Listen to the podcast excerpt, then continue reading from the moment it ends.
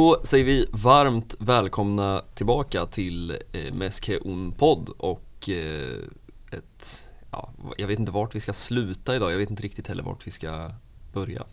Nej, det har hänt en del sen vi stod här och eh, snackade senast. Stod och labbade om, ja vi ska ha ett avancemang och, och tre pinnar mot Cadiz. det är inga konstigheter att kräva där. Nej, det, så här i efterhand så var det ju den största jinxen den här säsongen i alla fall. Ja, det får man, eh, får man nästan säga. Ehm, men vi ska väl försöka att eh, bena ut det här i eh, någon form av kronologisk Ja. ordning. För er som har hängt med så vet ni att kronologi inte alltid är det lättaste i det här sammanhanget. Men eh, vi ska nog hinna med lite Piqué, lite Frankfurt-fans, lite Interim Sergi, lite Mm. Ja, Rayo, lite Cadiz, lite, lite av det mesta. Ehm, ja. Men Lite vi, Barca vi, Femini kanske också. Ja, det, det, någon typ av glädje ska man väl försöka att trycka in. Ja. Ehm, Men, men vi börjar väl egentligen eh, där vi slutade förra veckan, det vill säga i Europa League, returen mot eh, Eintracht eh, Frankfurt på Camp Nou. Ja, vad ska man säga? Det, det började väl någon, så här, någon timme innan match och man såg eh, hur Twitterflödet bara det bara pumpades ut videos på liksom 30 000 Ja. eh, tyskar i liksom Plaza Catalunya och man tänkte vad fan är det som händer? Jag vet att min första tanke var inte vad fan är det som händer utan jag tänkte liksom wow, fan vad nice. Ja, Som att man inte kunde processa att så här, ja just fan, de där ska in på arenan ja. ja men man satt ju där, ja, de har, Frankfurt har väl sina 5000 Uefa ja. eh, liksom öronmärkta biljetter. Eh, följde de andra med för att liksom hä- hänga Hänga. på någon plaza och eventuellt fira någon seger. Liksom. ja. Men, Men- eh, men så, så- blev inte fallet. Nej, ja, det- det är också, jag vet det var ju någon, eh, nu vet jag inte vem, vad titeln var, men, men någon i liksom Laportas stab som efteråt liksom pratade om att de liksom haft drönare som ska ha identifierat den här liksom situationen och det som pratas om tror jag väl ändå, du får rätta mig om jag har fel, men det är väl någonstans kring 30 000 Eintracht-supportrar Ja. som ska ha tagit sig in på arenan då. Eller Precis. tagit sig in, det låter som de har brutit sig in. De hade ju, alltså det finns väl inte så mycket att säga om dem. De har ju köpt biljetter, de har utnyttjat ett system som inte funkar och ja, det, det, det är väl, liksom bördan ligger väl inte på, på dem egentligen. nej, nej, verkligen Ehm, inte. Jag menar, hade, hade 30 000 Barca-supportrar tagit sig in på Frankfurt-arenan så, ja, fair enough. Ja. men, eh, ja, jag vet inte riktigt vart man ska, ska börja, men, men vi får väl ändå börja på, på läktaren för att sen liksom röra oss ner mot plan. Till, att börja med så, Laporta hade ju då den här presskonferensen sen där han ja, jag vet inte riktigt vad, liksom, om man fick någon förklaring mer än att eh, ja, det är ett system från den gamla ledningen på tal om politikersvar eh, och att man såklart ser över det här och att det inte ska kunna hända igen. Eh, Nej, han var väl inne på att det inte är klubbens fel men Mm. att det är klubben som har ansvaret. Eh, vilket är... Också väldigt Ja. eh, politiskt. Eh, nej, men eh, det var väl någonstans för att eh, slå sig fri från eh, diverse anklagelser om Mm. att eh, det är klubben och klubbens eh, eh, medlemmar som eh, har sålt eh, iväg sina biljetter Mm. för ekonomisk vinning Mm. eh, och att de då hamnat hos Frankfurt-fansen. Ja. Eh, Men det var han väl rätt tydlig med att så inte var fallet. Eh, Nej. Utan eh, det är väl diverse Tor-operatörer som de gillar att säga där nere. eh, Som tyskarna har fått tag på biljetterna Mm. via. Ja, och samtidigt så... Jag tror också att det finns en viss del som, som handlar om Socios som har Mm. sålt vidare sina biljetter. Och vi har ju pratat, vi har ju liksom varit inne och nuddat på det här lite förut. Det var ju någon match här bara för några veckor sedan där man pratade om att nu är det fullsatt, eller nu är det slutsålt det. inför match och sen räknar man och så är det 75 000. Ja, det var väl Eh, Sevilla hemma där. Ja, just det. det var knappt 80 000 på plats. Ja, men och det, det saknas då ju liksom ja, nästan 20 000 plåtar. Mm. Eh, och det är klart att man... Vi har funderat fram och tillbaka och liksom vad är lösningen? Och det blir väl lite då kanske att eh, nu behövs det en lösning för att nu visade det, visade det sig hur liksom ah, alltså katastrofalt det blir ändå. Det måste man ju slå fast. Eh, sen kan man ju diskutera liksom den spanska fotbollen har ju mycket men den har ju absolut ingen liksom bortaresekultur. Nej. Vilket ju är deppigt på, på sina sätt. Alltså man, man kan ju liksom raljera över den här lilla nästan buren som finns uppe på Camp Nou där man Ja. brukar liksom se eh, ett antal hundra borta supportrar. Men, eh, men med det sagt så finns det också en poäng i att man har hemma och borta sektioner. Mm. Eh, även om det går att argumentera för att borta sektionerna kanske borde vara större i vissa fall. Ja. Eh, för ur en ren, jag satt och tänkte på det, ur en ren liksom säkerhetsaspekt.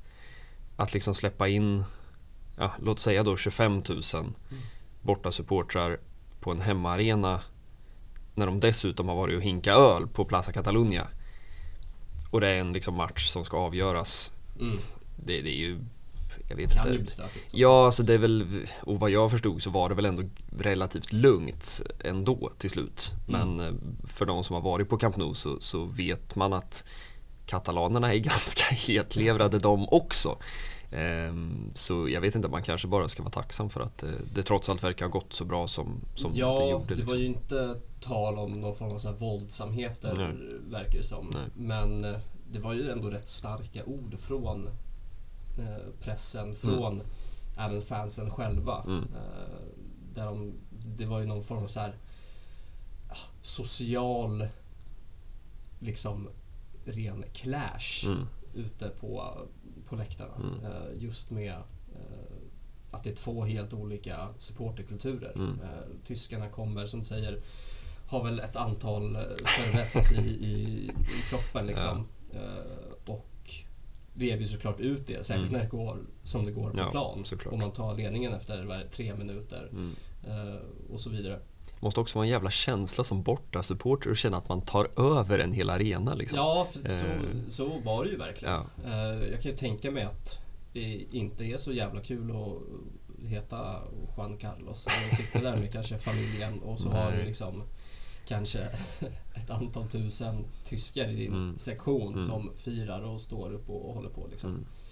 Eh, Så det var ju otroligt hårda ord både från fansen och eh, från eh, ledningen då, Mm. eh, efter det här. Mm. Men eh, jag vet inte vad, vad, vad de kom fram till för lösning. Det är väl... Alltså man ska väl... någonstans att det ska liksom vara någon namnchecklista Ja. någonstans. Ja. man, Och det, jag, jag tror också att det, det blir väl lite så att man släcker bränder nu. Det är väl Ja. lite som vi har varit inne på att, att de här säsongskorten är ju så extremt attraktiva. Mm. Och som man, jag vet inte, det är ju svårt också att sätta någon liksom gräns men, men jag vet inte, säga att man, att man då ska Sen beror det på vad man vill ha för liksom tillit till sina egna supportrar men, Mm. men någonstans så skulle man ju behöva ha ett system där du med ditt säsongskort när du går på matcherna identifierar dig på något sätt. Mm. Här är jag med mitt säsongskort, jag går på matchen idag. Och så måste man komma upp i, inte vet jag, två av tre matcher för att få behålla det. Mm. Typ. Eh, för att i ärlighetens namn, om inte annat så då kan man faktiskt köpa enkelbiljetter. ja. För jag menar det är ändå, ett, det är ändå en sån liksom på tal om utbud och efterfrågan. Det är en sån hög efterfrågan på de här plåtarna så att och framförallt det, det är nästan alltså i slutet av dagen är det nästan ännu värre om man inte går dit. Alltså går du Ja. inte dit så ja, fan sälj biljetten då. För det, det är ju någonting när man faktiskt när man som klubb inte kan fylla sin arena trots att det finns tillräckligt med supportrar som vill gå på matcherna. Mm. Det är ju ett problem som är lite svårt att greppa. Ja, det känns som det inte borde finnas. absurd liksom, Ja, kalkyl. Verkligen. Men, men som du säger, Laporta framförallt har ju fått väldigt mycket kritik och det var ju en och annan ramsa som sjöngs inför Cadiz-matchen sen eh, Ja, för utanför Camp vi, vi ska ju veta att det här inte bara är liksom...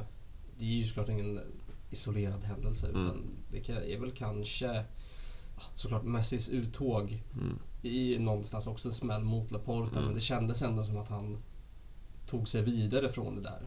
Ja, på något sätt. Han är ju Eh. som vi har sagt så många gånger politiker Ja. och, och jag tror också att han har glädje av att, att Messi är Messi. Mm. Eh, jag, jag tror ju någonstans att eh, de här andra liksom Han är väl en av de kanske sista superstjärnorna med liksom den jag vet inte om man ska kalla det aura, men den typen av...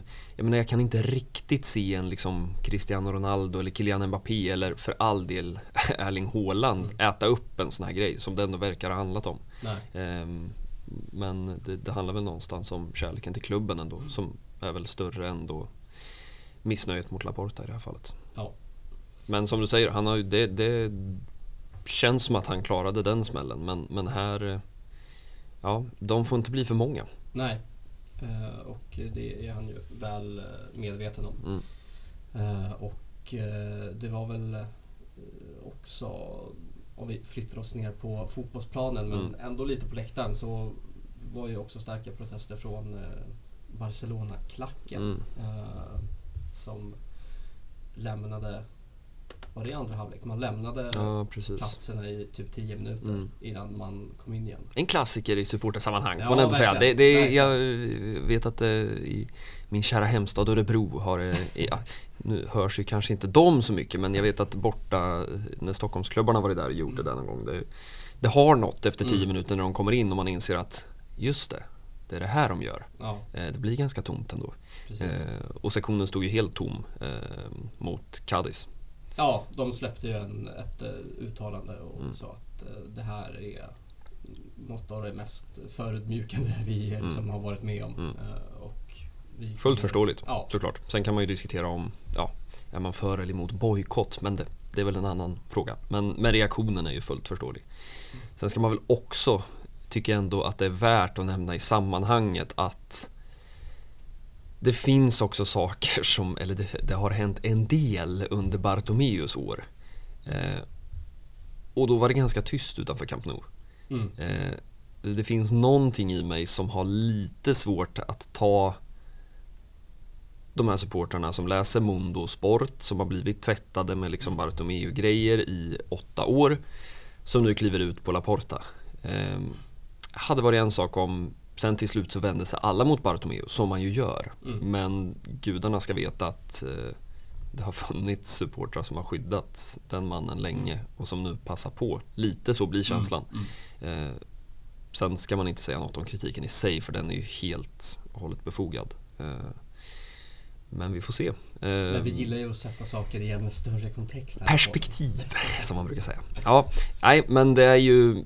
Ja, man kan väl liksom avsluta med, vi får väl se till att, att skicka ut någon bild på, på hur det såg ut på Camp Nou. För mm. det, var, det var ju, det var vitt. Det var väldigt mycket vitt och det såg man ju som tydligast efter matchen mm. när hemmapubliken hade traskat hem mm. besvikna. Mm. Och det liksom såg ut som att halva Camp Nou fortfarande var liksom välfylld mm. att alla Frankfurt supportrar ändå var kvar. Jag noterade också en, en härlig sekvens på Kevin Trapp som sprang upp på läktaren och omfamnade, eh, nu vet jag inte vad han har för civilstatus, om det är en flickvän eller fru möjligtvis. Han kändes nog lite extra för honom. Han har ju en, ja, jag vet inte om man kan säga tagg i bröstet, ju vara någon form av imaginär yxa i bröstet efter ja. den här 6-1 på, mot eh, Paris Saint-Germain. Eh, han fick sin revansch till slut. Men vi kanske ska be oss ner på planen. Eh, det var ju inte så, så mycket roligare där nere, kan man ju konstatera. Nej, Erik Garcia hade show igen mm. Eh, där efter två, tre minuter. Mm. Noterade ett, eh, det plingade till i min inkorg. ja, men jag, jag kan inte förstå hur man hänger som, den, som en ryggsäck liksom. Så så tidigt måste man vara så het. Liksom. Nej, den är... Från... Det är också svårt att förstå för att man har bilden av honom som en klok fotbollsspelare mm. som kanske inte riktigt hänger med fysiskt. Eh, och det är väl där det grundar sig också såklart, att han inte har den fysiken Nej. som tvingar honom att göra det här. Men ja, man, har, man har högre krav. Och det är också lite ledsamt för att man känner, upplever jag i alla fall, lite under säsongen att han har perioder, långa perioder, där han står för fina insatser. Men det är lite det här att man känner till slut att det finns alltid ett matchavgörande misstag där. Mm. Lite Clément Langlais-effekten. Ja. Och det är ju inte det första man vill ha hos en mittback. Nej, verkligen Hur man än vrider och vänder på det. Nej. Men eh, det fanns ju, ja, det var ju inte bara Erik Garcia som var ett problem den här Nej, kvällen, kan, det- vi ju, kan vi ju ska vi konstatera. inte veta. Ehm, och jag vet inte riktigt hur, eller om det går att sätta fingret på vad det är. Jag, jag, någonstans så är min känsla lite att vanligtvis så, så liksom speglar sig spelet på planen upp på liksom känslan på läktaren och utanför. Den här veckan känns det snarare som att det varit tvärtom. Eh, vi ska ju återkomma till Gerard Piqué minst sagt senare men eh, känslan var väl ändå att Sen, sen ska vi säga att Barca har dippat i form. Så, så är det ju bara. Det är något slags momentum som försvann i och med det här landslagsuppehållet. Som har hänt så många gånger. Men eh, med det sagt så, så tror jag ändå att det smittade av sig ner på planen. Det var i alla fall känslan. Frankfurt vann på läktaren och Frankfurt på planen kände av det. Och, Ja, och det är väl jag också inne på för det var det påverkade hela liksom matchförberedelserna för Mm. laget. Det var liksom de hade svårighet att ta sig till arenan med, Mm. med, med bussen Mm. och ja, men det kändes som att det var en bortamatch och Mm. det har ju spelarna och Xavi också varit inne på. Mm. Eh, riktigt snabbt efter matchen eh, Mm. var de ju det. Eh, och eh, det måste ju ha smittat av sig för man såg ju inte ut ett som ett eh, hemmalag och liksom, det var ingenting som stämde. nej, det såg liksom, jag vet inte, vilset ut. Mm. eh, någonstans. Och eh, Eintracht var ju inte sena på att utnyttja det, ska man ju säga. De Nej, gjorde nej, en, en liksom kanoninsats, en liksom på många sätt historisk insats Mm. med, med liksom för, i, i deras kontext. Eh, det är väl en match som, som de och deras supportrar kommer minnas lång tid framöver. Eh, Medan för Barsas del så är det ju en oacceptabel insats, såklart. Över två matcher. Sen är, som vi har sagt så många gånger förr, Europa League är vad det är. Men ehm, nej, att, att åka ut på det sättet och inte riktigt ge sig själva chansen. Eh, det är väl det. Mm, verkligen. Det, det hela slutar till sist 3-2. Mm. Det är ju liksom siffror som inte alls speglar matchen. Och, och där satt jag liksom i slutet och tänkte varför kan inte de bara få vinna mitt spel? Men sen sitter man där i liksom 98 och liksom hoppas på en, någon form av sjuk kvittering. Mm. eh, Liksom alla PSG-vändning Mm. nästan. Mm. Eh, och det är så himla farligt att sitta och tänka så. Liksom, Mm. För man vet ju innerst inne att det kommer ju inte hända. Nej. Eh, men nej, oacceptabelt är väl rätt ord. Mm. Och, eh, nej, tungt där och då. Ja, och det innebär ju också att vi stänger Europa League-spelet för den här gången. Förhoppningsvis för, för sista gången. Eh, sen ska man aldrig säga aldrig. Barca är en klubb som ska vara upp och ner. Men eh, det har ju varit, eh, det har varit en speciell vår. Ja, eh, i, även om det har varit liksom, när man ser tillbaka på i alla fall både Napoli och Galatasaray-mötena Mm. så, så har det ju varit liksom, det har ändå varit härliga fotbollsmöten, fotbollsmatcher liksom. Ehm, Men såklart, det blir lite sur eftersmak nu med, med den här sista, sista insatsen. Ehm, Men fullt fokus på, på ligaspelet. Ehm, Vilket ju inte skulle hjälpa så mycket eh, uppenbarligen. Eh, Jag vet inte om vi, om vi liksom är nöjda där, om vi stänger Europa League där. Eh, Vi lär väl kanske liksom peta i det mer Ja, framöver. Men Absolut. Eh, Det ska spelas semifinaler och en final på Ramon Sanchez Pizjuan i Sevilla. Den spelas väl i maj va, tror jag. De hinner väl inte kliva över i juni igen. Nej. 25 maj eller något sånt där har jag för mig i bakhuvudet. Man har tittat på det där datumet och tänkt att hmm, kanske man ska boka. Men det behöver man ju inte nu. Eh, Men vi hoppades ju på en reaktion i eh, ligaspelet, eller säkra tre poäng för att citera Emilio förra torsdagen. Ehm, Ja, och jag tänkte väl för mig själv kanske att eh, ja, men den där mannen har ju ännu mer rätt nu för nu kommer det komma en reaktion. Nu bör det komma en reaktion. ja. Ehm, men det kan man väl säga att det inte riktigt gjorde. Nej, och det hjälpte väl inte så mycket att eh, Pedri gick sönder mot Mm. eh, Frankfurt, ska vi säga. Eh, Verkligen. klev ju av i halvtid och säsongen är över för hans del. Mm. Och eh, nej, eh, det var ju... det var ju inte... Det såg ju väl rätt okej ut mot Cadiz. Mm. Men problemet var väl bara att det var en spelare som var påslagen Mm. i princip. Och det var ju Osman Dembélé. Mm. Eh, Resten såg ju fortfarande ut att liksom hänga med. Ja men lite så, det är någon slags... Och man känner inte, eller man har inte riktigt sett det där under Xavi än, upplever jag. Eh, Nej. förrän nu. Eh, liksom de första matcherna, liksom borträknat av liksom förklarliga skäl. Men, ehm, och det är ju så fruktansvärt svårt att sätta fingret på vad det där är för någonting. Eh, om jag kan tänka mig liksom att stå på sidan och, och sådär det är inte så att man står för en platt match men det, det blir liksom uppenbart för alla inblandade att det är någonting som inte riktigt stämmer. Nej, Eh. Och sen har vi väl pratat om det där förut också. Eh, Det handlar ju om någon slags om effektivitet även om man kanske inte överhuvudtaget egentligen skapade så mycket som man brukar ha gjort. Eh, Nej. Ferran Torres brukar ju vara ett bra liksom, mätinstrument. När han bränner fyra chanser och gör ett mål, då vet man att det är en normal match. Liksom. Ja. Men när inte ens Ferran Torres kommer till chanser, då finns det en del problem. Ja, och eh, Cadiz ju, börjar ju bli ett riktigt buggy-team. Eh, Ja, det är väl fyra, fyra raka nu eh, utan Barca-seger. ja, Eh, senaste vinsten var väl under Ronaldinhos tid, Mm. även om Cadiz såklart har huserat i de lägre Mm. divisionerna Mm. eh, under en massa år.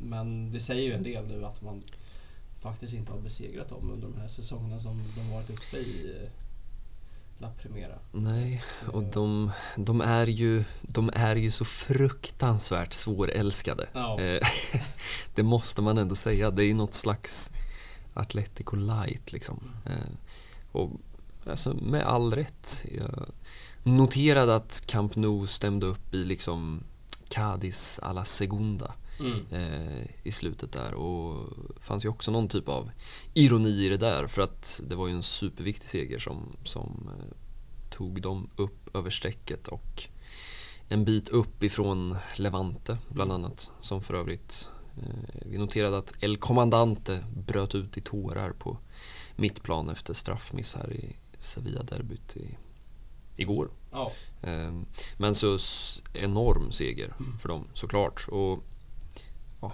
man kan ju liksom diskutera någon slags filosofi och liksom fotbollsetik. Men ja, det är också något i att åker man till Camp Nou som Cadiz. Eh, ja, de gör precis allt de kan i den kontext de kan. ja, Och det är liksom upp till Barca att göra bättre, liksom en bättre första timme. För att gör man det så kommer man inte hamna i den här situationen. Och alla är ju medvetna om det. Eh, sen är det inte oväntat att liksom Jordi Alba tappar huvudet som, som vanligt. Jag var lite, Nej. lite orolig för nerverna där till slut. Ehm, Nej men du, alltså, du, du har ju helt rätt. Alltså, I vanliga fall så är ju en sån här borta mot Barcelona, det är ju en match som man lag som Cadiz kanske inte har räknat med i kalkylen på liksom, poäng man tar under en säsong. mm, Men de måste ju se på hela Europa League-debaclet och stämningen i klubben. För är det stökigt i ledningen och utanför så tenderar väl det att reflektera Mm. även insatsen på plan. mm. Eh, I just Barcelona också. Mm. Eh, Ja, de tog chansen. ja, Ehm, och det är ju så här, det är väl nu om liksom någonsin som Mm. vi kanske har en chans på en trepoängare. Ja. Och det är ju den mentaliteten de måste gå in med Mm. och uppenbarligen så, eh, så var det ju så också. Mm. Ja, och sen man ska ju inte... Eller man ska inte, det får man väl göra så gott man vill. Men, men vi, vi ska väl prata lite om, om de spelarna som faktiskt eh, klev in på planen och eh, det största utropstecknet egentligen rent valmässigt så att säga. Eh, vi ska ju eh, verkligen konstatera att både Piqué och Araujo eh, saknades, vilket ju då gav Langley och Erik Garcia i mittlåset. Men, men framförallt så var det väl ett utropstecken att eh, Memphis Depay fick chansen eh, Ja. som nia istället för eh, Aubameyang. Och eh, ja, det är svårt att hänga honom för den här insatsen men eh, man kan väl konstatera att han knappast stärkte sina aktier. Nej, Eh, stod väl för en ganska platt och grå insats Mm. egentligen. Det är 60 minuter som han nog eh, helst glömmer. Mm. Eh, men ja, och det där mittbacksparet. Eh, och visst är det som mot Cadiz så kanske de inte utmanas så många gånger Nej. under en match och det är väl bra ur ett, ur ett Barcelona-perspektiv Ja. kanske. Ja. Om man vill vara så hård liksom. Ja. Eh, men när det väl stökar till i straffområdet, Mm. som det gör vid det där 1-0 målet. Eh, liksom, det är två spelare som är en halv meter från mållinjen Mm. i princip. Och Ter Stegen gör ju någon, lyckas ju flaxa till någon dubbelräddning. Mm. Men ändå är ingen av dem ens i närheten känns det som. Nej, Alltså, och det, det blir ju liksom symptomatiskt för... Sen, det går ju fort, det liksom händer saker men, men ja, de där reprisbilderna som vevas, det säger ju en del om, Mm. om en del. Och det är något med den där duon som... Jag tror ju fortfarande, och där står jag fast, att Erik Garcia har, han har attributen för att lyckas om han får rätt spelare bredvid sig. En spelare som liksom i stora drag måste täcka hans brister i fysik. Ehm, för att det är en, jag tycker man märker en oerhörd skillnad på, på tal om hur Barca ska föra en match när Erik Garcia finns på banan och när han inte finns på banan. Ehm, men med det sagt så ett mittbackspar med Erik och eh, Langley är ju det, det, det går liksom inte på några plan för att ja, Dels så har man liksom ett spel, nu, nu spelade ju kanske inte Negredo då som många hade trott, men man litar ju inte på någon av dem i liksom fysiken och duellspelet. Och inte heller i straffområdet. Och inte heller när man ska stå högt. Eh, för de känns så oerhört sårbara för spelet Mm. bakom. Eh, och när man bryter ner det så ja, det är väl ungefär de tre grejerna man vill ha hos ett mittbackspar. Så det blir lite noll av tre. Ehm, Men ja, nu får vi väl se, nu är väl skadesituationen vad den är. Men ja, det känns ju inte som ett mittbackspar vi kommer behöva dras med så många gånger till. Eh, Nej, vi har ju tjatat om det här med Lenglet. Mm. Bör ju skeppas. Ja. Det, Långt bort från Camp Nou i alla fall. ja, det går väl inte att säga så mycket och Nej. vi har väl, eller jag har väl sagt det här så många gånger förr. Det är en bra mittback. Det är en mittback som jag tror absolut kan spela i, i klubbar precis bakom toppen. Det är en bra fot. Det finns också en fysisk förmåga. Eh, sen har han absolut svagheter men eh, ja, en, en liksom nu ska jag inte liksom kasta in honom på ställen, men, och även italiensk fotboll kan jag tänka mig kan passa bättre. Ehm, Men, men ett, ett Tottenham till exempel får väl gärna slanta upp en 25 miljoner euro i sommar. Ehm, Lex, Lex Emerson Royal. Ja, varför inte försöka igen? Eh, och det är väl lite samma med Memphis Depay. Känslan är väl där från att ha varit liksom det stora hoppet under försäsongen och, och liksom även i höstas så är väl känslan allt mer att det inte blir ytterligare en säsong på Camp Nou. Nej, då är han ändå säsongsskyttekung. Jag Fortfarande. noterar det också ibland med både fasa och förskräckelse. Och, Ja. eh, ja, det säger väl också en del om en del.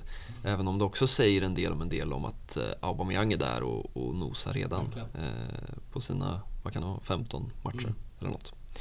Eh, Serginho Dest eh, var ju tillbaka från start. Inte heller någon rolig match att komma in i. Nej. Men vi lär väl prata lite med Dani Alves sen och eh, vi har ju varit inne på det där förut att eh, det är väl några matcher här nu som om Dest får chansen som ganska mycket avgör framtiden och också inställningen kring den där högerbackspositionen. Mm.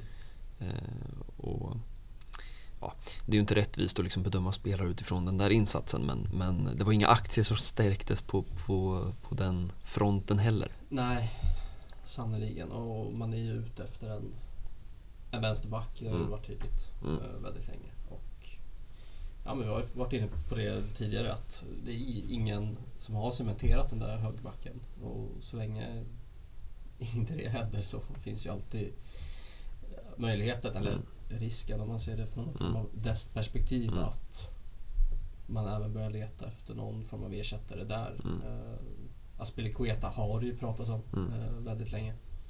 Ja, och nu ser ju Masraoui ut att gå till Bayern München Mm. istället. Tyvärr, får man väl säga. Ehm, Men eh, beslut lär ju tas inom en ganska snar framtid.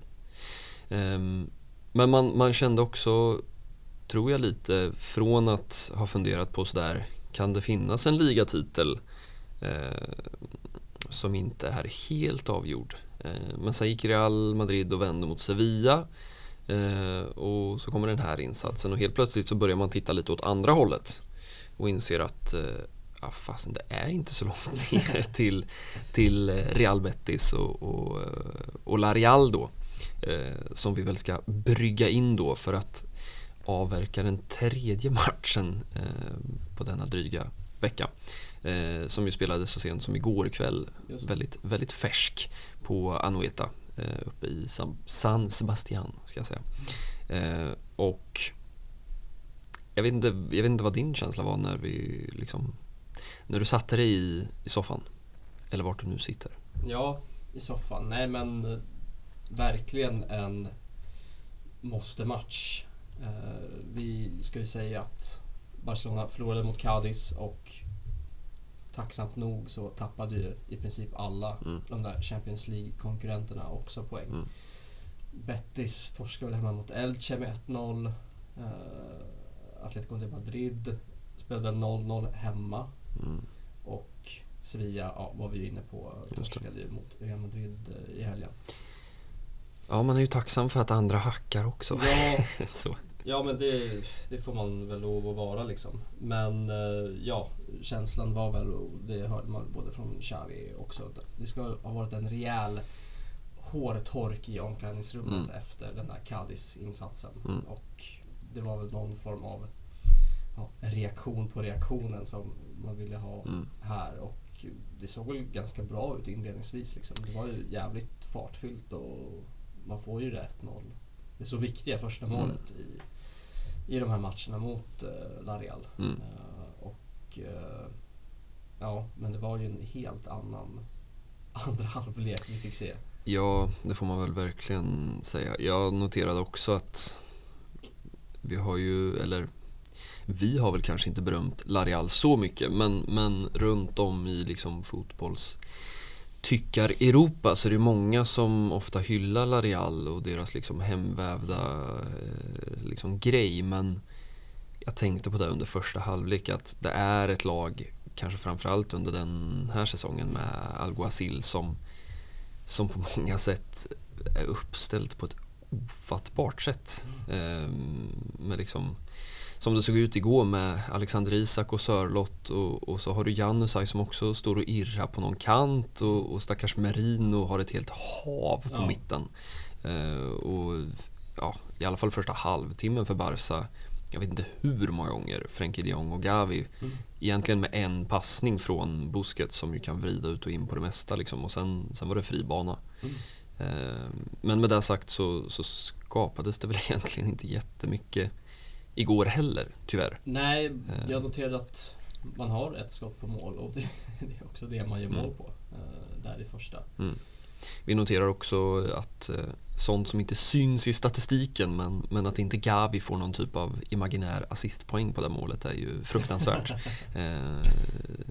Det är väl, ska man liksom ha två sekvenser som beskriver spelaren Gavi så är det väl det här solomålet från i höstas är det väl till och med, det är väl Ja. innan jul. Och sen även den här sekvensen där han, han är ju han är ettrig på ett sätt som, som få andra är och vinner tillbaka den där bollen. Och sen är det klokt av eh, Ferran Torres är det väl som får assistpoängen. Och Precis. Aubameyang gör det han är köpt för att göra, Verkligen. mål. Ehm, jag vet inte om det var nummer nio i ligan eller? Jo, Ja. det stämmer. Ja. Så han är ett mål bakom den gode Memphis. Det Just ska väl gå om innan säsongen tar slut. ja, vi hoppas det. Eh, Så Men, det blir spännande eh, att se vad som, vad som händer med honom. Ja, verkligen. Eh, Det är det här fruktansvärt fascinerande liksom, systemet där han i princip jag tror att han tjänar två miljoner euro den här våren, vilket ju i och för sig är rätt eh, sköna pengar. Men det blir ju inte speciellt mycket om du, om du smäller ut det på, på de här månaderna. Men Nej, det var väl ingenting jämfört med monsterkontraktet i Arsenal. Nej, Så- precis. Men, men det är ju också utifrån att han då nästa säsong kommer att tjäna betydligt bättre. Mm. Eh, och sen då nästa sommar så har man en option på att bryta det här kontraktet helt. Om inte annat så blir det ytterligare två säsonger med en Mm. högre lön. Eh, och jag vet inte, det, det känns som att det liksom pysslas med, med liksom kontraktsupplägg på ett Ja. sätt som aldrig förr. En mäktig trestegsraket. Ja, verkligen. Löne, liksom, Verkligen. Men, men samtidigt så tänker jag att den är ju... Alltså den är ju inte helt dum. Ehm, förutsatt att man då antingen hittar ett riktigt namn som kliver om i sommar. Men känslan är väl ändå att Aubameyang har en säsong till som Mm. är stark i sig. Och sen är väl känslan att man kanske bryter det där kontraktet och tackar för, för god tjänst. För att alltså Aubameyang sommaren 2023 kommer ju inte direkt ingjuta några stora euros till transferbudgeten. Nej. Och jag menar man har fått honom gratis och lägger ut en lön som man betalar då under de första två åren. Med liksom, låt säga att han då gör ytterligare en bra säsong. Då är det ju en kanonaffär på alla sätt. Verkligen. Ehm, Men som sagt, vi hoppas väl att han når upp i tvåsiffrigt eh, i ligaspelet innan, innan säsongen är slut. Men, Ja, men som sagt, som du var inne på, en bra start. Ehm, Ja, ändå en godkänd första halvlek. Man ska också ha med sig vad det är att komma till Anoeta och spela fotboll. Det är inte alltid lätt. Ehm, Nej, men, på förhand också en av de, de där tuffa matcherna. Mm. eh, Just på bortaplan. Mm. Även om Barcelona har ett bra facit. Ja, Det är 11, 11 vinster på de senaste 13. Ja, för det, det var väl liksom lite Pep Guardiola-tid och även, Mm. även liksom Luis Enrique. Då, då var ju nästan Anueta, den var ju liksom, det var ju en förbannelse mer eller mindre. Men, men jag noterade också med lite förvåning som du säger att ja, fan, statistiken är, den är ganska vass. Mm. Men jag tänker innan vi kliver vidare till den något mer deppiga andra halvleken så ska vi väl bara nämna då att, att den stora nyheten i liksom laguppställningsväg var ju att både Piqué och Araujo var tillbaka i elvan. Ja, Piqué som han klev av i det första mötet med Mm. just Frankfurt. Just. Eh, och har väl haltat på träningsplanen sedan dess. Ja. Eh, och Araujo, han har väl sina skavanker, det är väl ingen nytt där. Nej. Eh, nej men såklart. Eh, jättebra att båda eh, fick chansen från Mm. start, även om vi kommer nog komma in på hur det hela slutade för den där berömda backlinjen. Ja, Eh, Men annars så var det ju en galuppställning med de spelare man har. ja precis. Det är väl, det är väl Pedri som, som egentligen saknades då. Eh, Ansu Fati eh, är väl stort att beräkna in i någon ekvation nu Ja. för tiden. Eh, Men som du säger, Dani Alves tillbaka i elvan och även Pierre-Emerick Aubameyang på topp. Såklart, annars hade det varit svårt för honom att göra mål. Ja. från bänken. Eh, inte ens han kan göra det. Ehm, nej men, känslan var väl ändå i halvtid att eh, det här kan komma att fungera. Sen vet jag inte riktigt vad som händer. Nej, och eh, det är väl Larial som inser att nu måste vi nog vakna här. Mm. Eh, och får väl någon form av momentum med liksom en jättechans ganska så snabbt. Ja, det känns som att det går liksom 45 sekunder och Ja. sen är det liksom en dvala fram till typ minut 64 eller något. Mm. Eh, fruktansvärd press på Barca-målet. Ja, och det hjälper ju inte att i princip hela backlinjen Ja, det är faktiskt makabert. Ja, jag har Eh. nog aldrig sett något liknande. Att hela backlinjen går sönder Ja. under samma liksom. Ja, men det är väl en 10 minuters. Sen ska man ju säga att Piqué har ju varit trasig sen liksom 2019. Men, men eh, de andra tre... Ja, nej. Det, Dani Alves byts väl ut efter är det en dryg timme. Ja, Och då funderar man på... Jag trodde att det var Jordi Alba som skulle kliva ut för han såg ut att dra till ljumsken ganska ordentligt. Eh, nej, då var det Alves, då var det snabba ryck. Eh, nu spelas ju Alba klart matchen på något makabert ja vis. sen Ehm, han signalerar ju förbi. Det är någon glidtackling och det Ja. ser ut som att det är ljumsken som ryker Ja. liksom. Men så ligger han där i 30-45 sekunder. ja. Sen är det full fart igen. På klassiskt Jordi Ja. Alba-manér ska man ju säga. Det finns nog ingen spelare i världen som, som är, det är lite liksom vargen kommer över honom. Ja. Eh, man har svårt att, att ja, det, det, är väl liksom ett benbrott ungefär som krävs för att man ska känna sig säker på att det faktiskt är en skada där. Eh, Piqué klarade väl 80 minuter drygt, eh, vilket väl är någon slags eh, jag vet inte, sjunde underverket på något sätt. Ja, Eh, för han eh, drar ju också sig mot, mot knät någonstans och Mm. signalerar ju för byte. Ja. Men Ja, det känns som det var tre, fyra, kanske till och med fem gånger som, Ja. man, som man liksom... Jag tror, jag tror också att han gillar det där. Eh, Precis som att han gillade att liksom Lareal-supportrarna sjöng eh, Ring Rubiales Ja. under hela matchen och det kastades flaskor. Och, eh, det är ju sådär med vissa, vissa spelare. Jag vet inte om vi pratade om Martin Olsson någon gång. Det känns Mm. lite utanför den här kontexten men, men eh, jag tycker ändå det är värt att, att nämna. Det känns också som en sån spelare som, som liksom lyfts av det där. Som kanske andra är, är liksom rädda för. Mm. Eh, jag vet inte riktigt, man ska väl inte göra någon liksom psykoterapeutisk undersökning på det där men, men eh, det känns ju inte som att Piqué hatar att stå i centrum oavsett om det är liksom av godo eller av ondo. nej, vi, vi kommer ju komma in på Mm. varför Mm. eh, det ropades på Ring Rubiales. Mm. Men eh, ja, Xavi var ju inne på det också innan matchen att det, det här adrenalinet som, Mm. som Piqué älskar, Mm. det är det som liksom håller honom levande på något sätt. Ja, och vi ska väl, jag kände själv nu att jag höll på att dra ut här ordentligt. Vi, vi ska återkomma till honom, vi ska stänga den här matchen först.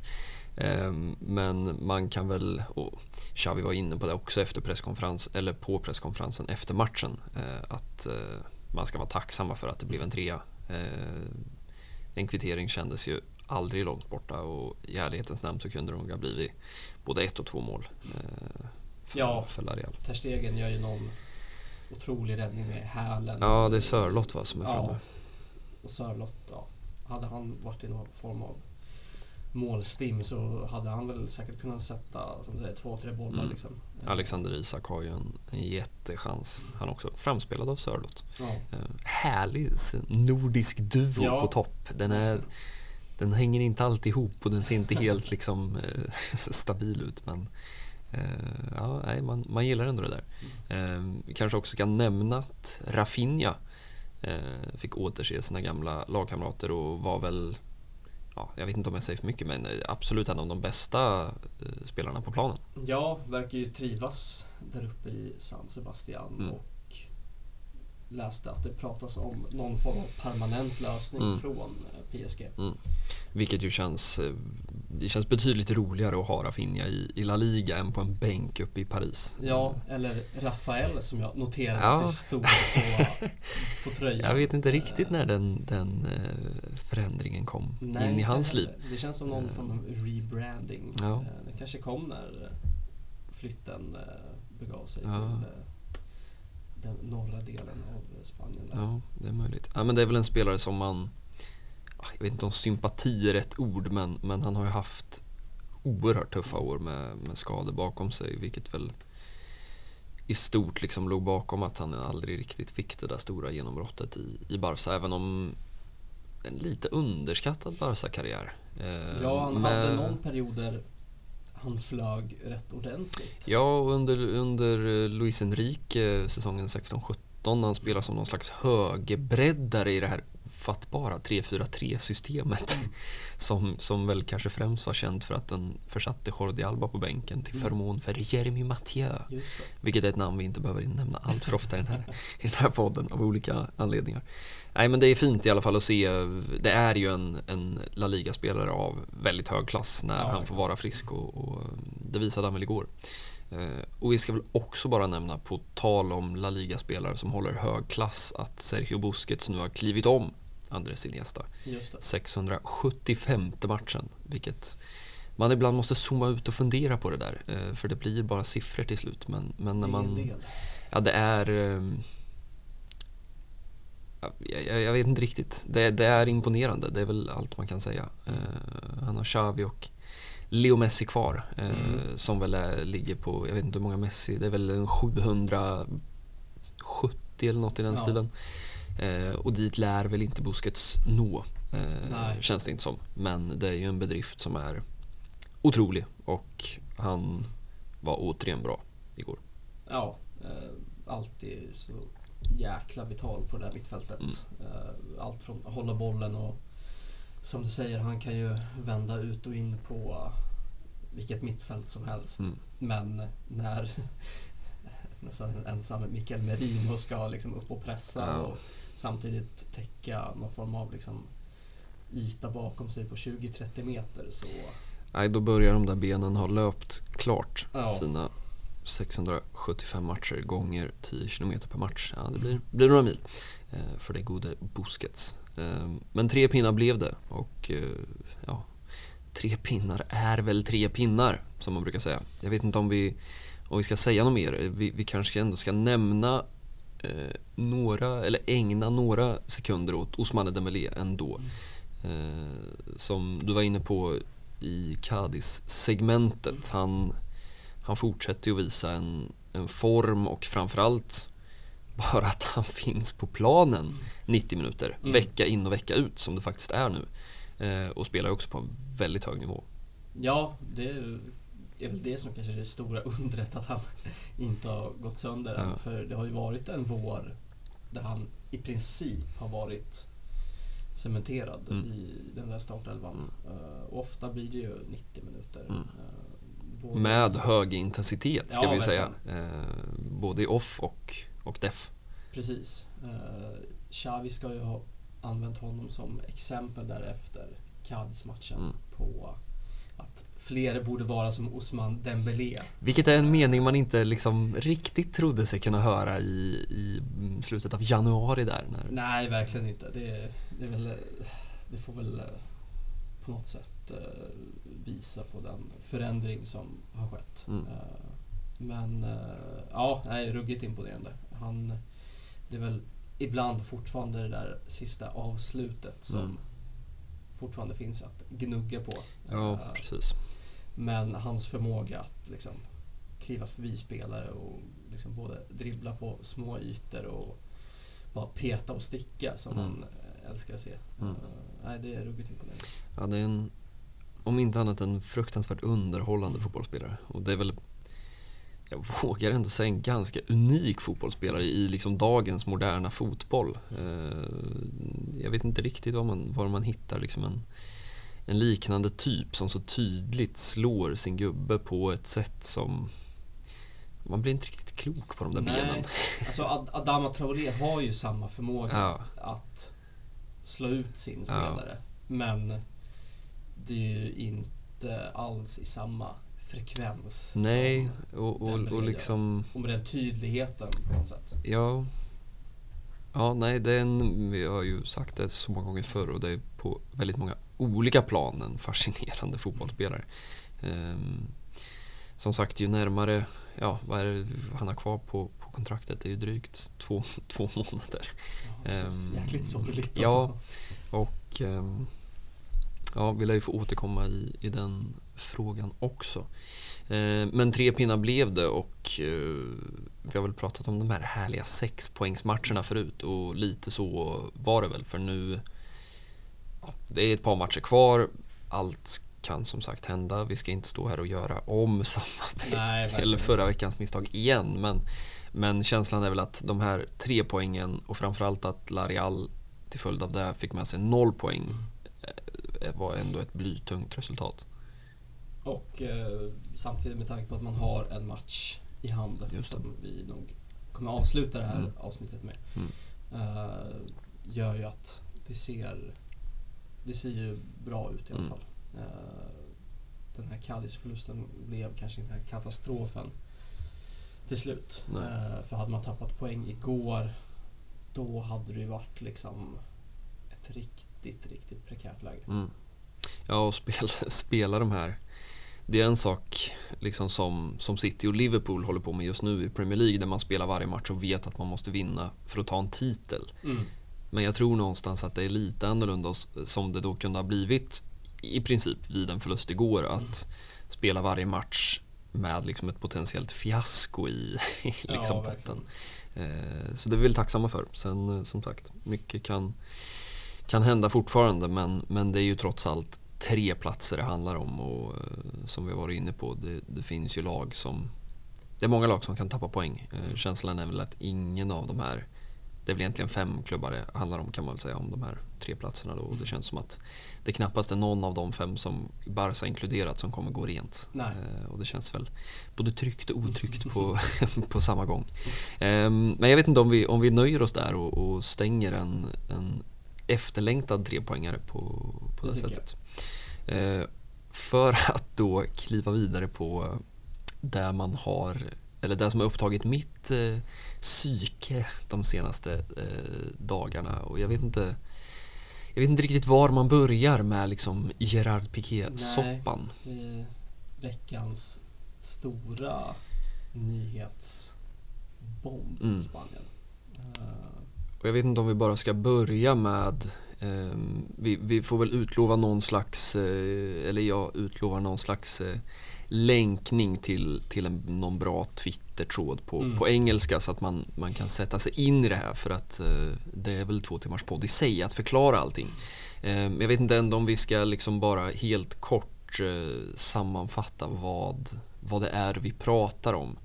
Eh, och det är den här spanska tidningen då El Confidencial som eh, lite ifrån ingenstans måste man säga Ja. eh, kom ut med de här audioleaksen om Gerard Piqué och Rubiales som då är president för det spanska fotbollsförbundet. precis. Inte att förväxla med Javier Tebas som är president för La Liga.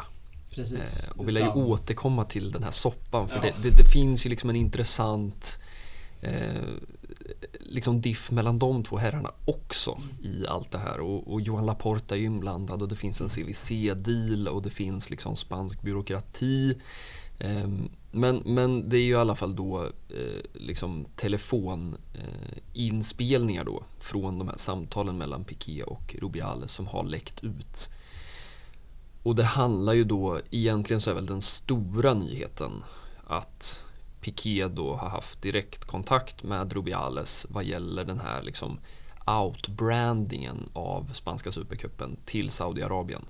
Precis. Som flyttades var, 2019 blev det i alla fall Mm. klart. Mm. Sen var den första, det spelmässigt var det de första matcherna 2020. Ja, det låter rimligt. Eh, Men precis, man flyttade den spanska supercupen eh, som normalt sett eh, spelas hemma och borta. precis. Eh, och Nästan i augusti va? Ja. Liksom innan ligasäsongen Precis, drar igång. veckan innan ligasäsongen Mm. mellan vinnaren av ligan och vinnaren av eh, Copa del Rey. Mm. Men då gjorde man ju om hela formatet och det blev någon form av så Final Four Ja, och Piqué har väl varit inne och petat i eh, turneringsformat innan. Mm. Eh, han är väl en av hjärnorna bakom jag trodde inte vi skulle snacka Davis Cup och tennis här i podden. Nej, Men han har ju varit med och ändrat hela det Mm. liksom, spelsystemet. ja, och här kanske det är värt också då att eh, någonstans få in Kosmos Just som det. ju är det här liksom Ja, det är liksom svårt att, att någonstans sätta fingret på exakt vad det är för företag men, men det ska man också ha med sig och det är därför tror jag i mångt och mycket som han klarar sig rent Mm. juridiskt. Att när vi pratar om att Gerard Piqué har placerat spanska supercupen i Saudiarabien så är ju inte det riktigt sant på pappret. Nej, Det är inte Gerard Piqué som har fått de här 6 miljoner eurosen eh, för att det här skulle hända utan det är ju då det här företaget Cosmos. eh, Som ju också då är det företag, eller liksom det är via det företaget som Piqué har sitt ägarskap i FC Andorra. Mm. Som är den här eh, Segunda B-klubben som är på väg upp i Segunda A då. mm. Eller nu spelar de ju i då den här RFEFA ligan eh, som ju då, ja, det var ju någon slags ofattbar indelning där efter förra säsongen när man inte riktigt förstod. Barca B spelade liksom sju olika playoffs kändes Ja. det som för att bestämma vilken, vilken liga. Men hur som helst, de är på väg upp i den spanska andra divisionen. Eh, och Cosmos och Piqué var ju också inblandad i hela den här liksom Rakuten-grejen som ju satt på Barsas tröjor. Jag ska inte säga för mycket nu, men det, det, det löper ju ut i sommar. De har väl suttit sen... De har väl- de har väl suttit i tre år någonting. Ja, möjligtvis fyra, tre eller fyra. Ja, ett antal år i alla fall. Eh, som ju är något slags liksom från början är det väl någon slags japanskt eh, liksom typ kylskåpsföretag som liksom har expanderat och nu finns det liksom allt ifrån någon slags webbshop till liksom Rakuten TV där man för övrigt kan se Iniesta-dokumentären. Mm. Så det är ju liksom en, det är ju en jävla röra. Eh, och vi ska väl också nämna, vi, vi kan, det är lika bra att vi raddar allt på en gång, men, men Piqué har ju också varit inblandad i den här liksom Antoine Griezmann-dokumentären. Eh, som ju hade den. Eh, Som hans något- företag Cosmos då var med och producerade. Precis. Eh, som väl också då gick på Rakuten TV, om jag inte har fel. Mm. Eh, som ju hade den, så här i efterhand, lite smått ofattbara titeln The Making of a Legend. Eh, säger väl en del om självbilden och kanske vad som lite gick snett för fotbollsspelaren Antoine Griezmann. Och kontexten där var ju att den här gjordes ju då eh, sommaren 2018 efter det här VM-guldet. Mm. Eh, vilket väl i och för sig då var någon form av topp för kanske fotbollsspelaren Antoine Griezmann. Mm.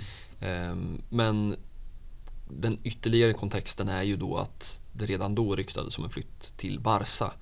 Eh, Och det är klart att det, det är ju lite uppseendeväckande, tyckte många redan då, att nyckelspelaren i Barcelona, hans företag är med och producerar dokumentären där rivalens stjärna som kopplas ihop med Barca Mm. annonserar att han stannar.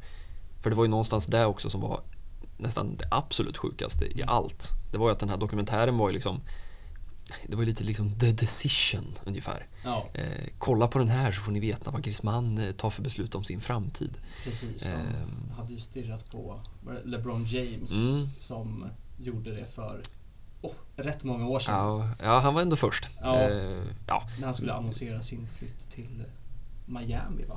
ja. Från eh, hemma... Jag vet inte, hemmaklubb kan man benämna det i NBA? Eh, Tveksamt, men- Från hemmaorganisation. Ja. Eh, eh, Men... eh, Han var före Antoine i alla fall, Ja. så mycket kan vi säga. Ehm, nej, men redan då så, så fanns det väl, tror jag, för att den var så, så lätt kritiserad. Eh, det finns inte så mycket liksom, geopolitik, det finns inte ingen politik alls egentligen, utan det är bara så här, någon typ av intressekonflikt Mm. mellan liksom, fotbollsspelare och, eh, jag inte vet jag, dokumentärproducent.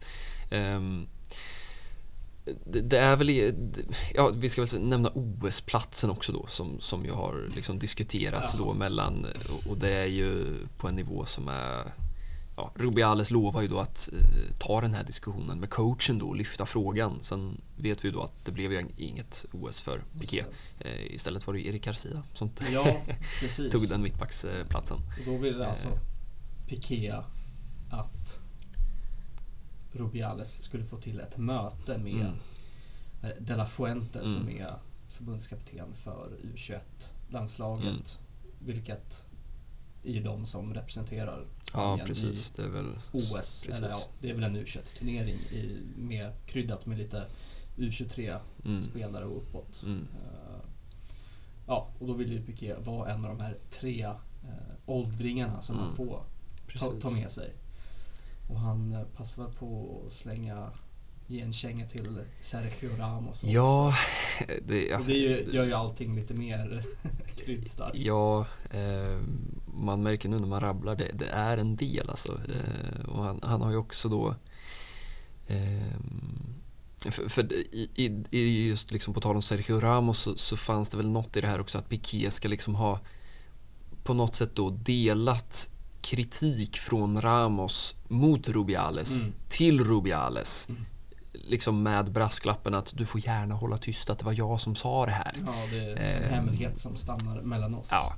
Eh, och det ska ju också ha diskuterats liksom VAR-beslut. Piqué ska ha varit sur över någon soft penalty som, som har liksom getts emot Barca. Och Sen ska väl också bara för att sluta cirkeln kring Andorra så ska han väl också haft kontakt gällande att han väldigt gärna skulle se en liksom eh, lätt eh, vad ska man säga, divisionsuppdelning då Mm. för, för laget då att eh, han hade åsikter om vilka de skulle få möta i, i ligaspelet och eh, ja när man eh, När man säger det högt så är så det är ju ja ganska... och jag slänger liksom en ett öga på min lista här men jag, jag tror att vi liksom har fått med allt Mm. Ehm, Och det är lite svårt att veta, även nu när man liksom har någonstans då spenderat ett par minuter på att rabbla allt, var man liksom var man börjar. Och vi har väl, jag vet inte om man någonstans ska börja i liksom personen Gerard Piqué som vi ju, vi har ju pratat om honom kanske av en slump. Mm. Jag vet inte riktigt alltid i vilken kontext men, men vi har ju pratat mycket om liksom politikern Laporta och vi Mm. har ju också pratat mycket om liksom politikern Piqué. Eh, och det känns ju som att det här svart på vitt är ett bevis på liksom vem personen och liksom kanske ännu mer personan Gerard Piqué har blivit Mm. med åren. Verkligen. För det är... Det tillhör ju inte vanligheterna att vilken La Liga-spelare eller fotbollsspelare i stort som helst har de här banden, kopplingarna till så högt uppsatta personer inom landets fotbollsförbund eller Mm. ligaförbund eller vad, vad, Mm. vad det nu kan vara. Liksom. Mm. Han, han gillar ju att stå där. Ja, och det är ju... Jag vet inte, det måste man väl också göra klart för att både då Piqué som, som, som ju då annonserade eh, vilket ju var innan man visste då huruvida han skulle spela eller inte mot Cadiz. Mm. Vilket fick mig att fundera på, nu gjorde han ju inte det så det gjorde det lite mer förståeligt men först så tänkte jag vad är det som händer i denna fotbollsvärld? Mm. Först ska Piqué gå ut och lira 90 minuter mot Cadiz och sen ska det gå en kvart och sen ska han sitta då på Twitch och livestreama ett försvarstal.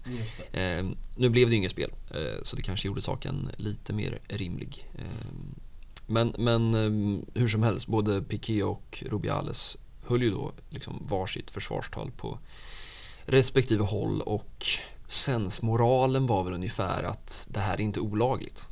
Nej, Ehm. och Rubiales ska väl ha sagt, ja men i princip att de, de har ingenting att dölja. Allt Nej. det här redovisade vi 2019 Mm. när det blev klart på Mm. något sätt. Eh, Det här, det här, Och framförallt det här ingen- Saudi-grejen då Ja. i, i just den kontexten. Ja, för det är, kokar man ner allt det här så är ju det den Mm. stora nyheten Mm. att Piqué och Rubiales har liksom, det är ju inte så smickrande att lyssna på de där ljuduppspelningarna när Nej. Rubiales liksom ringer Piqué och säger du klockan är, jag- ringer inte dig för att säga grattis till målet eller till en bra matchen utan klockan är efter tolv och det betyder att kontraktet med Saudi är påskrivet. Och vi båda får eh, en eh, ganska god eh, pengasäck eh, skickade till oss. Nej, det är ju... Det ser ju liksom inte bra ut. Nej, och det var lite däråt jag tänkte komma också just. Eh, det är ju någon typ av brist på insikt som jag ser det, även i liksom försvarstalet att, att just det här att det är inte olagligt. Eh, och det vet vi ju inte heller. Alltså, om jag har förstått saken rätt nu så, så finns det väl åtminstone från Madrid-håll då tankar på att eh, det här kanske borde prövas juridiskt ändå. Mm. Framförallt det här liksom, de, de upplever sig väl med all rätt liksom förda bakom ljuset kring just den här liksom Saudi-dealen då. Och att man ska pröva det juridiskt. Och för all del, det, det är väl absolut en, en liksom lösning. Men det är ju inte det vi diskuterar. Vi diskuterar ju egentligen inte huruvida det här är lagligt eller inte. Vi diskuterar ju huruvida det är rimligt, hur det är etiskt, hur det är Mm. moraliskt rätt. Eh, och det känns som att liksom just att man, att man inte ens förstår att det är det vi diskuterar i ett försvarstal. Det känns som att det säger en del om hur liksom långt det här har gått. Ja, för gudarna ska veta om vi någonstans vänder på det hela och säger att vi har en Sergio Ramos i Piqués ställe. Mm. Då hade ju alla liksom larm gått Mm. i, hela Katalo- i hela Katalonien Mm. om hur Madrid styrt allt Mm. är. Ja, Och- verkligen. Och det finns ju också något i det att Piqué är ju den första som har varit ute. Ja, man, man, såklart. nu så här i liksom retrospekt och jag, jag vet att jag twittrade ut att liksom allt som Piqué har sagt och kommer att säga från och med nu, det kommer alltid ha de här grejerna som Mm. ett liksom tungt jävla årets julklapp tyngdtäcke över sig. Liksom. Ehm, och man känner sig också, upplever jag i alla fall, sig själv lite lurad. Att, att man har ju någonstans trott att, att Gerard Piqué som vi har varit inne på återigen så många gånger förr. Gerard Piqué är komplex. Gerard Piqué är mycket. Gerard Piqué är liksom en separatistsymbol för vissa. Han är en lagkapten för andra. Han är bara en Barca-spelare för andra. Han är liksom katalanicismen personifierad. Men man har alltid tänkt att han gör det med FC Barcelonas Mm. och Kataloniens bästa i bakhuvudet. Och någonstans har nog det, om jag går till mig själv, alltid varit det som jag har liksom lite haft som en eh, liksom punkt ett i mitt försvarstal. Att jag kräver inte att alla älskar Gerard Piqué. Jag förstår att Madridistas hatar honom. Men ni måste ändå se att han gör allting utifrån det här perspektivet. Och det här visar ju på att så är det ju inte alls. Nej, Du säljer ju inte ut spanska supercupen till Saudiarabien för Barcas bästa. nej. Eh, Du utnyttjar inte dina kontakter för att ha kontakt med den här liksom superelit-spanjoren inom spansk fotboll för Barcas bästa. Mm. Det är ju inte där det handlar om längre. Eh, Och det gör ju att man har svårt att... Ja, det är svårt att försvara på, på något plan egentligen. Ja. Och det finns liksom så många bottnar i det här och så många så många nuggets i det hela. Liksom Mm. han, hur de, de pratar ju om att eh, flytta liksom, först kanske flytta Supercupen till, till Camp Nou, Mm. till Barcelona och på något sätt säga att ja, men vi, vi är de mesta mästarna av Mm. eh, Copa del Rey, vi har liksom x antal ligatitlar. Han vill ju få med Leo Messi på det här också, Mm. men ska ha fått den kalla handen. Och, Ja. jag vet inte, det kanske har någonting med deras Ja, för, för det har vi väl också varit inne på någonstans. Det här med att man försöker läsa ut via sociala medier hur Ja. saker och ting fungerar och eh, känslan är ju att Leo Messi och Gerard Piqué egentligen inte har en relation längre. Nej. Ehm, vilket ju absolut kan ha med, med de här sakerna att göra. Mm. För nu ska man väl inte liksom jinxa det här men, men på tal om det här med Laporta kontra Leo Messi så man har ju svårt att se Leo Messi sitta på det här sättet. Mm. Eh, sen är det ju kanske ett egentligen, jag ska inte säga ett ännu större problem men det är också ett extremt stort problem att på sitt sätt att ha Messis plattform och att vara egentligen helt opolitisk så som Mm. Messi är. Eh, ibland kan man nästan känna att du måste tycka någonting, människa. Eh, men sen behöver man inte samarbeta med, med Saudi för det. Men som du säger, det är ju det är ju svårt att prata bort också för det, det finns ju där. Det är ju ljud. Eh, Ja, och, det är liksom...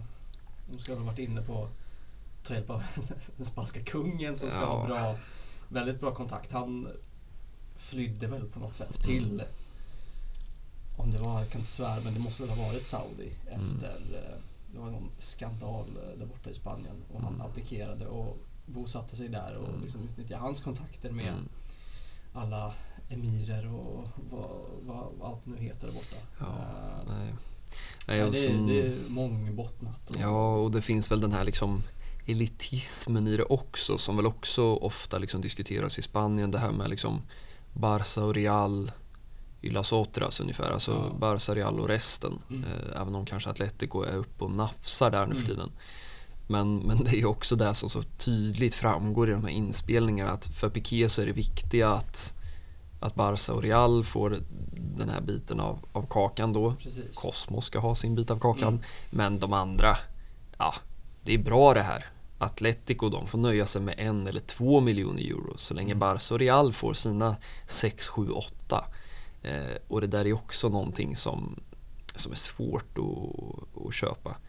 Mm. Eh, och det blir också någon slags dubbelt i att ja, men då är det väl bättre att man spelar, för menar, det är ju inte så att Barca och Real inte har spelat cupfinaler i det gamla systemet. Nej. Varför ska du då tvinga iväg ytterligare två klubbar till Saudi om du inte vill ha dem där? Ja. Men det är klart, det är för att det ska spelas tre matcher istället för en. Eller möjligtvis två om det var dubbelmöten förr.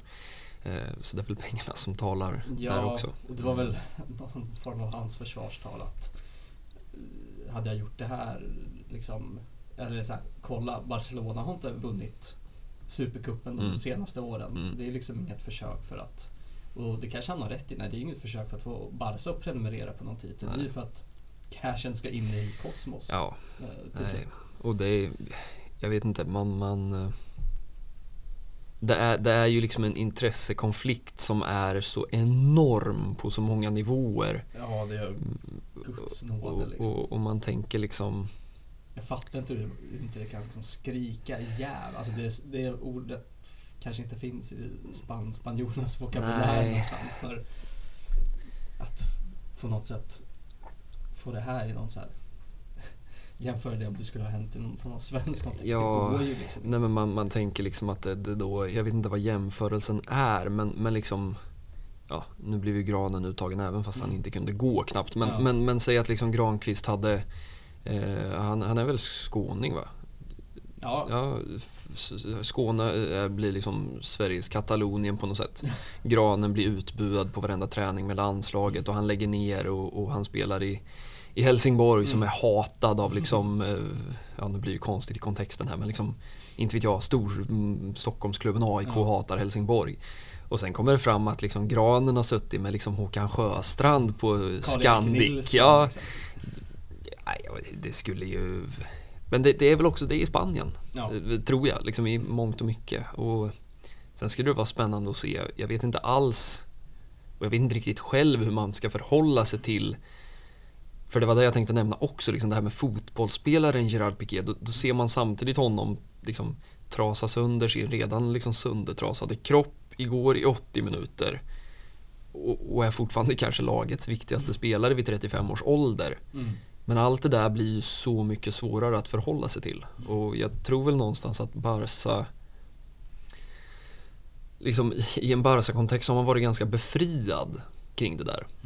Det har varit lätt, nu ska man liksom inte jämföra äpplen och päron, men, men liksom, det har varit lätt att moralisera över liksom en Cristiano Ronaldo eh, och hur liksom Manchester United, Juventus och för all del Real Madrid-supportrar har förhållit sig till honom.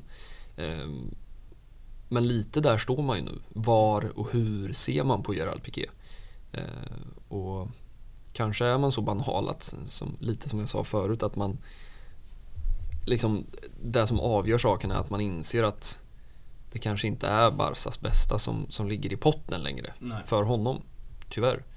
Eh, men som vi har sagt så många gånger förr, han är en han är ju en politisk figur både liksom bildligt och bokstavligt. Och Ja, jag skulle väl nämna att det, det är väl en spelare som har vad det verkar ambitionen att sitta där Laporta sitter idag. ja, Eh, onekligen. Och hur det här på något sätt, ja det är svårt att spekulera i hur det här skulle påverka någon sån kampanj om x antal år. Mm.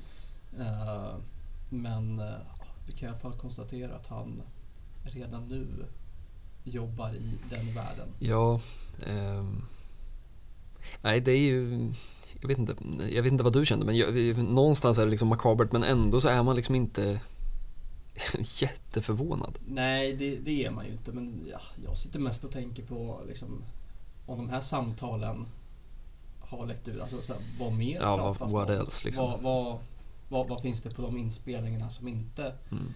Eller på de samtalen som inte har spelats in? Mm. Eh, det... Nej, jag vet inte om man vill, om man vill veta det. Eh, vi, vi kanske också då, vi var ju bara inne och nosade lite på det där men vi, vi kanske ändå ska nämna då Javier Tebas eh, som ju då är president för La Liga. Nu har jag tappat Mm. exakt vad ordet heter men det är ju någon typ av det är väl det här La Liga Uno Dos Tres som är någon slags liksom ungefär som SEF, alltså svensk elitfotboll Mm. Lite samma typ. eh, Det här li, eller liksom spanska fotbollsförbundet är Rubiales och liksom den, någon typ av ligaförbund är ju då Javier Tebas. Precis. Eh, och vi har ju pratat Tebas förut eh, och det finns ju också en kontext i allt det här som, som liksom hänger ihop på ett sätt som är Ja, man, man, skulle nästan, vi skulle nästan behöva liksom ta två timmar efter inspelning och rita en mindmap och, och liksom lägga upp på Twitter.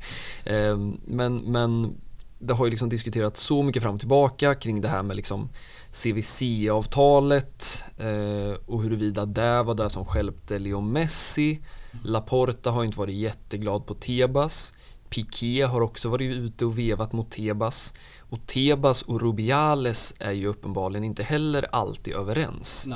Eh, så, och då har man också svårt att hålla ihop för att det spanska ligaförbundet och det spanska, fotbolls, alltså spanska fotbollsförbundet är ju också involverad i beslut kring La Liga. Mm. Så man, man liksom, det är, det är en sån röra så att man, man förstår liksom inte riktigt vad som är vad. Och man kan också diskutera hur rimligt är det då att Alltså man ställer sig också frågan hur har diskussionerna kring CVC gått till då?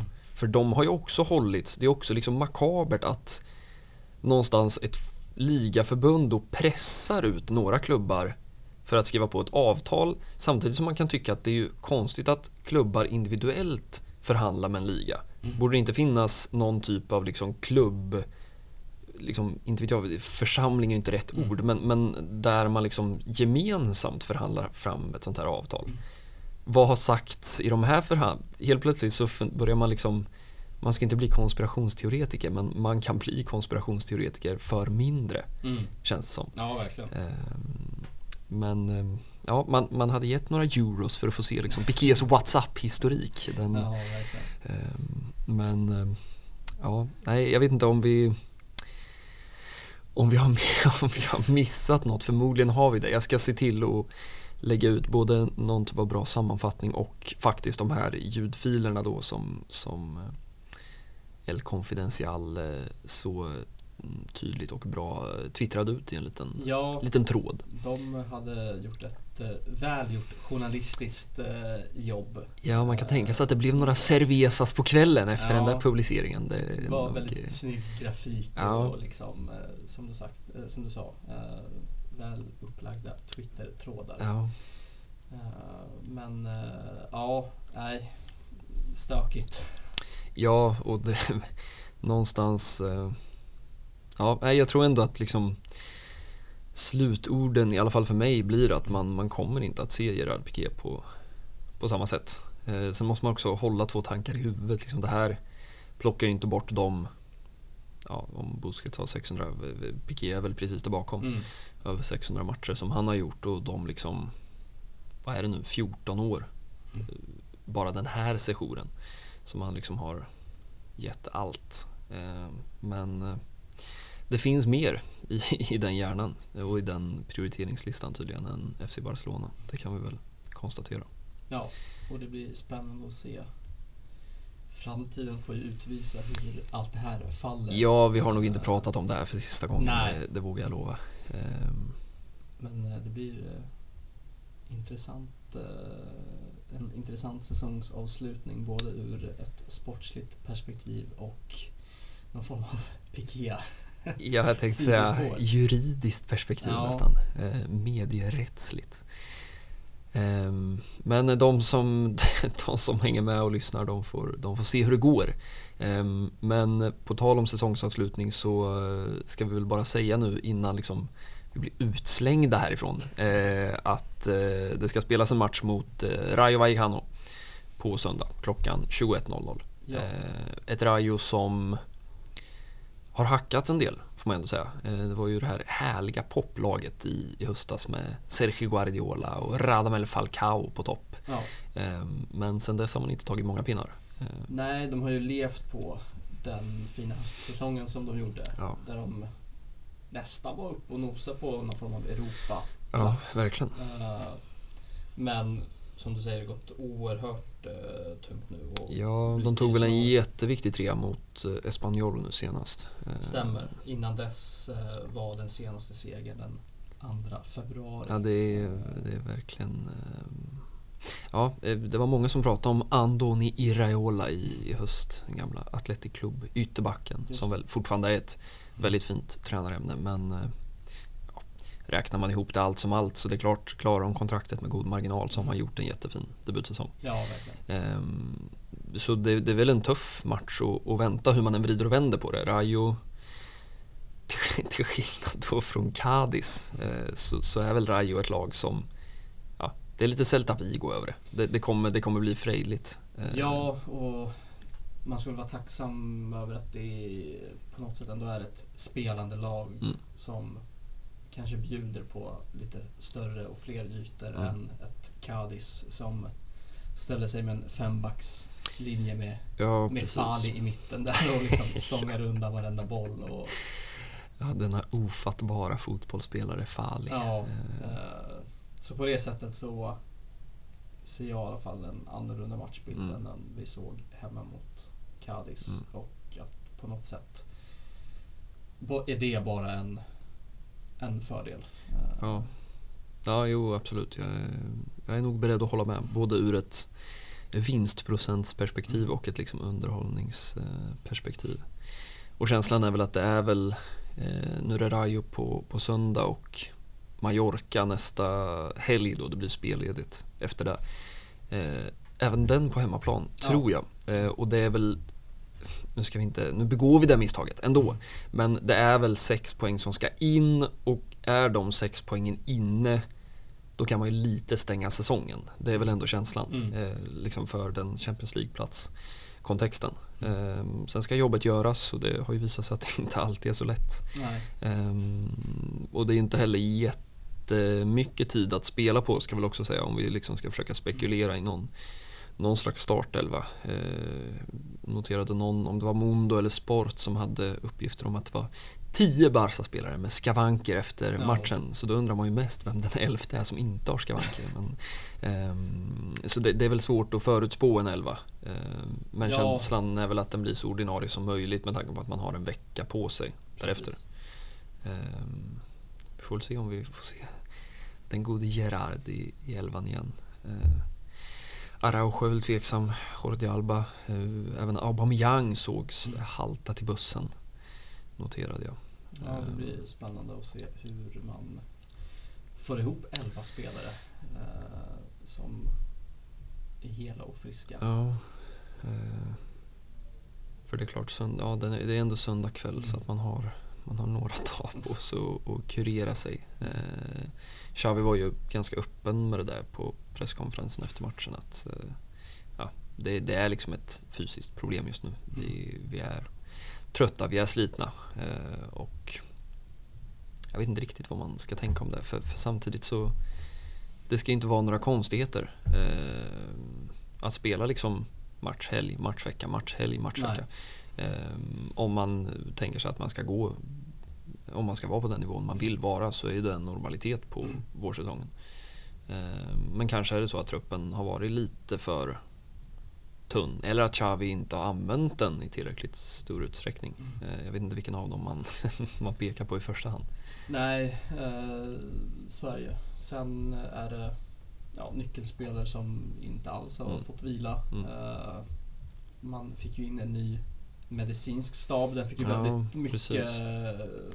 skit där mm. under Koman. Mm. Och eh, de ska väl om man ska vara schyssta mot dem så ska de väl få en liksom, försäsong mm. och all prepp som ingår i det. Liksom, ja, men verkligen. I den bästa av världar och det har de ju inte fått den här säsongen på nej. samma sätt. Eh, såklart. Eh, så nej, det, blir, det verkar ändå som att säsongen tar ut sin rätt.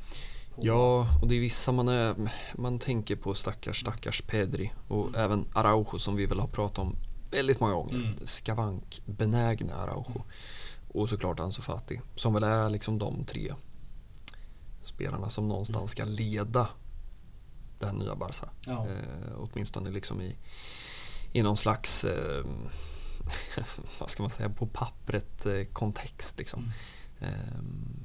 Det är väl någon form av så framtida ryggrad. Ja, men Om det exakt tidigare så. har varit Messi, Busquets, Piqué mm. Eh, så är det ja, men en generation som ska göra ja. liksom tio år. Så är väl känslan. Och det, ja, nu ska man inte jämföra, även om liksom Xavi gärna jämför Pedri med både den ena och den andra. Så, så, ja, man vet ju vad skador kan göra med spelare. Man vet ju liksom hur både Xavi men framförallt kanske Iniesta hade det de åren innan liksom det stora genombrottet. Eh, och det, det har ju visat sig, det är ju nästan, nästan raljant att säga det, men för att lyckas på den högsta nivån så funkar ju inte att, att, missa halva säsonger. Liksom, säsong ut och säsong in. Eh, men som sagt, vi hoppas väl att en försäsong ska göra susen mm. med det där. Men vi kanske stänger med, med de orden. Har vi, har vi någon ytterligare liksom smart sak att säga om Rayo hemma? Nej, eh, det tror jag inte. Eh, tre pinnar. Tre pinnar ska in. men om vi ska avsluta med någon form av glädje så Just det. Bra. väntar det ju Champions League på Camp Nou eh, ikväll. Fullsatt. Slutsålt. Det, det ska vara fullsatt, det ska vara slutsålt. Vilket ju inte är en synonym då har vi lärt oss. Eh, Precis. Men Eh, folkfest i alla fall, hoppas vi på.